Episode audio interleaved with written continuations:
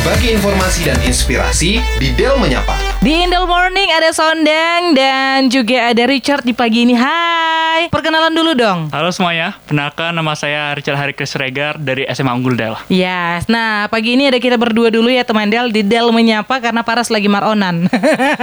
lagi maronan di Bali karena di hari Jumat ya ini ya. Iya. Lagi maronan dulu Paras. Oke, jadi kita lanjut dulu nih. Jadi ini adalah Richard, salah satu eh, siswa dari SMA Unggul Del yang berhasil ya teman Del ya meraih perunggu di Olimpiade eh, Sains Astronomi. Bener ya? Eh, bener ya Richard? Atau ini salah nih kakak nih? Jadi itu sebenarnya saya bidang astronomi dari lomba OSN yang diselenggarakan oleh Kemendikbud. Oke, itu kemarin eh, Richardnya pergi ke mana nih untuk mengikuti lombanya? Kemarin saya pergi ke Bogor bersama beberapa teman saya untuk melakukan laksanakannya. Jadi ini kelompok? Bukan. Oh bukan ya? Itu sebenarnya kami beda-beda bidang, Uh-uh. tapi dikumpulkan satu tempat untuk berlomba. Oke, jadi kalau misalnya Richard perwakilan dari SMA Unggul Del sebagai bi- bidang Bidang astronomi. Oh, bidang astronomi. Jadi teman-temannya di bidang lain ya? Iya. Oke, itu kapan sih diadakan kegiatan itu? Kemarin kami perginya ke tanggalnya itu tanggal 28 nyampe di Bogor dan lomba itu bersekitar dua hari 29 sama 30 Agustus. Oke, jadi eh, Richard ini pergi sendiri atau didampingi guru? Sebenarnya karena ini udah dari tingkat nasional yang yang menemani kami itu dari bintang dari Hah? dari provinsi. Dari provinsi, Iya. nggak guru SMA Unggul lagi Bukan, ya? dari kedinasan provinsi. Keren. Tapi ini kita mau tanya dulu nih. Sebenarnya eh, Olimpiade Sains bidang astronomi ini seperti apa sih Richard? Boleh dijelaskan sedikit buat teman Del? Jadi gini, sebenarnya OSN itu adalah suatu perlombaan yang dihasilkan oleh Kemendikbud Mm-hmm. yang ditata oleh BWTI, itu Badan Prestasi Nasional itu. Oke. Jadi eh, selama OSN itu nanti kan terdapat 9 perlombaan. Mm-hmm. Itu yang diambil dari mata-mata sosial, tapi juga ada beberapa disisipkan mata- materi ekonomi. Oke, Ma- Dan eh, untuk materi lainnya. eh, sosial ya Iya. seperti ini. Kalau misalnya dari Richard itu untuk sains ya. Ya, saya yang bilang sains ya, Oke, yang astronomi. sendiri aja nih. Kebetulan kemarin setelah penyisian dari OSK ke OSP sampai ke nasional, saya yang tersisa. Oke, itu astronomi. dari ini dari eh, SMA Unggul Del sendiri atau hanya maksud aku ini dari SMA Unggul Del atau keseluruhan dari Sumatera Utara atau gimana Kalau- sih? Jadi gini prinsip lombanya. Kan itu ada beberapa tingkat, ada OSK, Hmm. OSP sama OSN. OSK itu dari sekolah yang daftarkan, baru ke OSP ya ada yang dari kabupaten itu yang lulus dari OSK. Baru yang ke nasional itu yang lulus dari OS OSK itu ke OSP yang lulus di ujian OSP-nya. Oke, di ujian OSP-nya. ada berapa lapis untuk Ada lalui. berapa lapis ya untuk Iya. masuk ke sana gitu ya? Oke, eh, selain size nih, tadi kan eh, sempat juga ya, sempat juga disebutkan sama Richard kalau di sana juga ada lomba eh, bidang sosialnya ya. Iya. Ada bidang sosial juga yang diperlombakan gitu ya. Nah, kalau dari Richard sendiri, selain belajar sains ada lagi nggak sih mata pelajaran yang harus eh, Richard kuasai untuk bisa mengikuti lomba ini? Kalau saya kan ngambilnya astronomi. Tapi astronomi itu sangat berkaitan erat dengan matematika. Oke, jadi, Jadi- matematika juga dipelajari. Iya, terutama di bagian analisis data. Di situ kami kan dikasih kumpulan data, ditu- disuruh mencari rumusnya dan sebagainya macamnya yang berhubungan dengan matematikanya. Oke, mungkin bisa dijelaskan eh, selain matematika tadi, apalagi nih yang tergabung dari sains ini boleh dijelaskan sedikit nih. Eh, sebenarnya astronomi sebagai sebagai bagian dari bidang fisika. Jadi bisa dibilang itu mempelajari tentang fisika-fisika planet.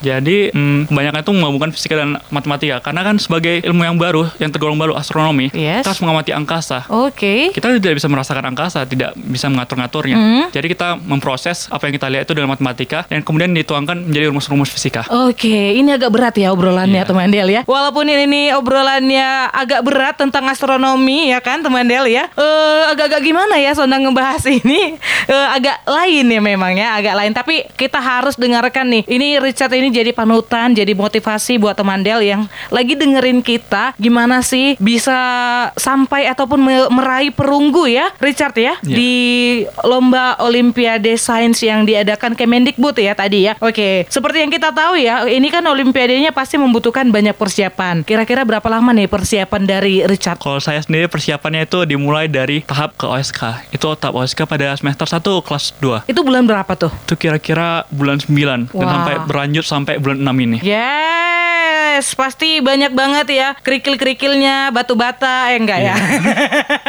Kerikil atau batu bata nih? Aduh. Ini tantangannya apa nih? Banyak banget pasti ya. Pasti Ya, banyak, banyak. banget dan eh, kita pengen tahu nih apa sih tantangan terbesar yang kamu eh, hadapi dalam mempersiapkan untuk bisa mengikuti Olimpiade ini, Richard. Nah, pertama-tama yang paling menonjol itu ada pembagian waktu saya. Oke. Menurut saya pembagian waktu, apalagi saya sekolah ber- sekolah di sekolah berasrama, Yes. sangat susah dibagi. Oke, udah udah punya jadwal ya semuanya. Iya. Jam segini kita makan, jam segini kita ada eh, diskusi dengan guru Iya. gitu ya. Ada kerja kelompok. Eh, eh, pernah nggak sih ada rasa malas dari Richard? Wah, pasti Oh, pernah. oh pernah. Itu- Aku pikir anak SMA Unggul Deli itu nggak pernah malas. itu karena kan di astronomi itu pembahasannya lumayan berat ya. Oh iya ini Iya. sekarang ini kita nggak nggak ngebahas Iya. tentang rumus-rumusnya ini udah agak berat menurut Iya. aku.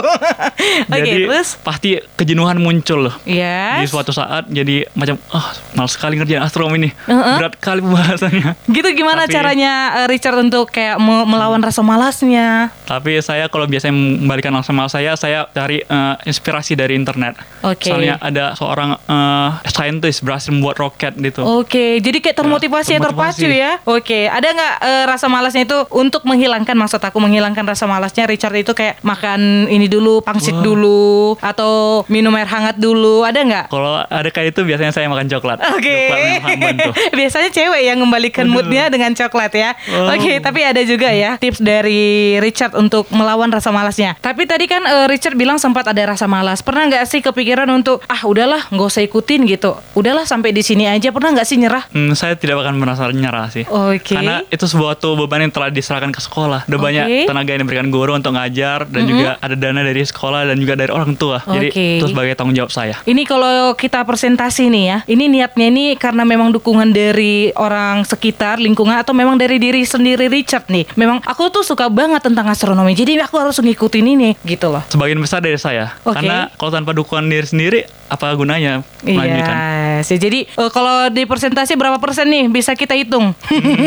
75 persen. Oh 75 dan didukung 25 persennya Iya. itu dari guru, keluarga, bahkan eh, untuk secara materi juga disupport ya Iya, begitu Bu. ya. Oke, terus ini eh, pasti tadi kan aku bilang ada nggak rasa malas ada, terus pengen nyerah nggak nggak mau ya kan? Kalau Iya. nyerah jangan, rasa Jangan nyerah. malas boleh, gitu Boleh. ya.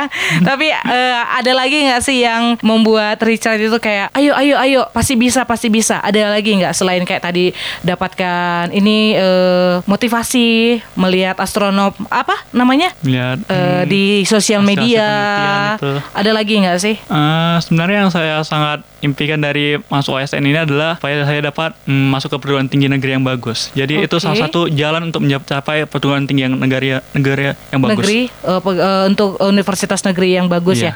Em, kalau nanti nih, ini kan udah kelas 12 ya Richard Iya. ya. Di kelas 12 ini Richard bakal eh, memilih jurusan yang sesuai dengan Richard sekarang. Misalnya karena Richard suka astronom kayak gitu ya kan. Ada nggak niatnya juga nanti ngambil jurusan yang sama? Sebenarnya masih saya pikir-pikirkan. Karena apa? Karena ini agak berat gitu.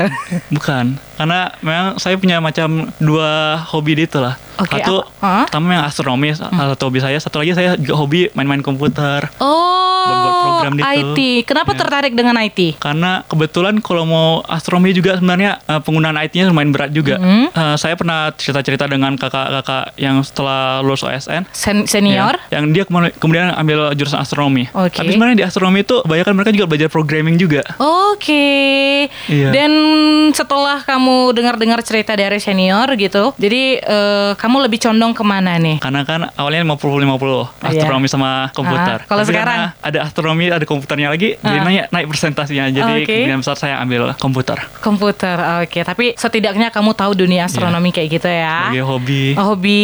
Iya. Tapi itu memang sudah dari dulu nggak kamu suka astronomi atau setelah SMA ini Eh, dari SMP mulai munculnya niatnya saya. me- mengetahui Iya. tentang itu ya? Oke, jadi belajar banyak tentang fisika juga. Iya. Wow, keren sekali ya. Jadi ada waktu kamu nggak untuk nonton drakor? enggak ya, enggak ya. Enggak, enggak sempat. Oh nonton anime itu Iya, juga Kak. membuat mood booster kamu naik Iya, ya Kak. untuk mengembalikan semangat kamu yang tadinya malas kalau nonton anime jadi oh aku semangat lagi nih aku semangat lagi ya selain coklat nonton anime eh, scroll media sosial untuk menemukan eh, motivator ya kan motivatornya itu siapa tadi dari media sosial Dari media sosial banyak. Salah Oke. satunya yang paling saya kagumi itu Michio Ikashi. Oke. Itu dari ilmuwan di New York, tapi dia orang Jepang. Wow, berat kan? Ini luar biasa ya teman Del ya. Yang dia sukai pun udah jauh berbeda kalau di zaman aku dulu ya kan. Udah berbeda. Sukanya dulu masih FTP. Ini udah berbeda memang ya. Beda. Nah tadi Richard sempat eh, menyinggung tentang kalau misalnya kamu mengikuti Olimpiade ini ada kesempatan kamu untuk bisa masuk ke universitas yang kamu inginkan dan yang pastinya universitas yang bagus dong ya. Iya. Ah, ah, itu gimana nih prosesnya? Prosesnya ada beberapa proses. Mm-mm. Yang pertama itu mengambil SNBP. Itu seperti siswa yang lainnya berajang prestasi, beradu prestasi di kancah nasional untuk ngambil bangku-bangku di PTN. Oke. Tapi ada cara kedua. Oke. Beberapa universitas membuka jalur khusus di itu, jalur unggulan untuk berapa medalis-medalis ataupun ada yang finalis saja untuk masuk ke universitas mereka. Oke, jadi ini ada jalur khusus ya. Iya. Dan kita nggak perlu ikut tes-tes seperti itu. Iya. Oke, asik Menarik kan? banget ya. Iya. Enak ya. Itu namanya jalur khusus ya tadinya ya. Eh, apakah menentukan universitasnya harus dengan jurusan astronomi yang seperti itu atau gimana nih? Hmm, setahu saya ada beberapa yang harus, tapi ada juga yang bebas. Oke. Jadi baik-baik kita lah mencari di mana universitas kita yang mau. Oke, jadi eh, lebih bijak lagi, Iya. lebih banyak eh, informasi yang kita cari gitu ya. Iya. Nah, kira-kira dari Olimpiade ini ada ada nggak sih yang menurut Richard itu hal yang unik dan yang menarik sebenarnya yang boleh di-share Richard di hari ini? Hal yang menarik dalam Olimpiade ini, pertama Olimpiade ini sebenarnya itu sebuah tuh ajang seleksi ya untuk mengambil perwakilan Indonesia ke kancah internasional. Wow, ini juga bisa nanti ke kancah internasional Iya. ya? Wow, keren. Itu prosesnya gimana lagi nih? Apakah dari SMA ini atau setelah kamu meraih prestasi ini langsung ke kancah internasional atau kita harus kuliah dulu nih? Wah, belum kayak itu. Ada beberapa tahap yaitu Oke. macam pelatnas. Ada beberapa pelatnas yang akan diselisih tiap pelatnasnya untuk mengambil yang terbaik perwakilan Indonesia. Kalau nggak salah ada lima orang perwakilan Indonesia di tiap bidang di kancah internasional. Oke, itu prosesnya kapan tuh? Itu prosesnya eh, ada beberapa bulan sampai yang di akhir nanti eh, lombanya pada saat bulan 6 pas kami kelas 3. Itu udah pas akhir-akhir. Oke, Ya. ini ini sudah berjalan, Eh, lagi berjalan. Mau sedang berjalan eh, sebenarnya lagi di di di seleksi begitu. ya bentar lagi ada pelatnas satu. Oke, itu Richard ikuti nggak? Pasti ikuti dong. Oh, pasti ikutin. Iya. Ada rencana juga untuk ke kancah internasional juga, Richard. Hmm, doain lah supaya bisa berjuang. Amin. Kita doakan, kita dukung dong ya. Ya semoga nanti eh, pelatnas satu ya. Iya. Sampai berapa tahap tadi? Sampai hmm, kalau nggak salah sampai pelatnas 3. Sampai pelatnas tiga bahkan Supaya sampai dipilih. ke kancah internasional boleh eh, menjadi pemenangnya ya. Iya. Dan perwakilan Indonesia. Oke. Perwakilan Indonesia. Amin amin amin. Keren gak tuh teman Del ya? Tapi kalau sama aku sih berat banget itu ya. Oke, semoga ya doa kita selalu eh, Richard mendapatkan hasil yang terbaik nanti Amin. dengan usaha yang lebih baik lagi ya Richard ya. Nah, setelah mengikuti Olimpiade ini ada lagi nggak? Tadi kan Richard bakal ikut lagi ya untuk jalur ke kancah internasional. Iya. Selain Olimpiade ini ada lagi nggak yang pengen eh, Richard ikutin lomba-lomba lain seperti itu? Eh, ada kak, Apa itu tuh? ada eh, Sutomo World Education Expo sama dengan M2EE. Itu dua-duanya di Medan Hmm? dan memang langsung offline di Medan. Jadi lumayan menarik, bisa pergi Oke. Keluar untuk berlomba lawan satu provinsi inilah bisa Oh, berarti bilang. tingkat provinsi lah ya. Bisa Sebenarnya dikatakan. bisa diambil siapa aja, tapi karena kemungkinan besar eh, masih agak jauh perjalanannya karena tempatnya offline. Mhm. eh, jadi kemungkinan besar kebanyakan dari provinsi Sumatera Utara. Oke, ya semoga juga Richard bisa membagi waktunya ya, kalaupun Iya. nanti mengikutin karena Richard juga bakal mengikuti jalur yang tadi ya. Iya, Ah. pelatnas. Oke, nah ini pesan dan yang bisa Richard sampaikan nih buat teman Del yang lagi dengerin kita, eh, yang mungkin nggak suka ataupun nggak terlalu suka lah ya mengikuti Olimpiade, boleh nggak dikasih motivasi buat teman-teman? Halo teman-teman yang masih merasa bahwa Olimpiade itu capek, apa gunanya? Saya memiliki saran. Sebenarnya Olimpiade itu suatu cara untuk kita mengembangkan jiwa kompetitif kita. Mm-mm. Di zaman modern ini jiwa kompetitif itu sangatlah perlu untuk mengambil eh, pekerjaan-pekerjaan ataupun meraih capaian yang lebih tinggi. Yes. Jadi cobain rasain dulu jiwa kompetitif dalam dirimu hingga nanti tereksplor dan dapat berkembang. Yes, jadi jangan langsung melihat hasilnya ya, Iya. Prosesnya gimana kita bisa berkembang, bisa menjalani semua proses-proses yang ada gitu ya Richard ya. Ya, begitu saja sudah sudah meningkatkan jiwa kompetitif kita. Iya, tapi kalaupun nanti pada akhirnya kita menerima hasil dengan kekalahan, kita memang di situ belajar juga untuk lapang dada. Iya, Yes. banyak pelajaran diambil. Banyak pelajaran yang harus kita terima yang Iya. sudah kita dapatkan juga. Yes, ini sangat memotivasi juga buat teman Del ya. Jadi jangan pernah berhenti belajar, jangan pernah berhenti untuk mencoba. Setuju Richard? Setuju kak? Oke, thank you ya buat kamu yang sudah share pengalamannya dan juga eh, gimana bisa mendapatkan prestasi sampai sejauh ini dan semoga juga teman Del yang lagi dengerin bisa termotivasi. Sampai ketemu buat Richard di prestasi lainnya. Sampai ketemu teman-teman Del. Dengar Del menyapa di Indel Morning tiap Jumat jam 9 pagi. 92,4 Del FM Connecting you to Toba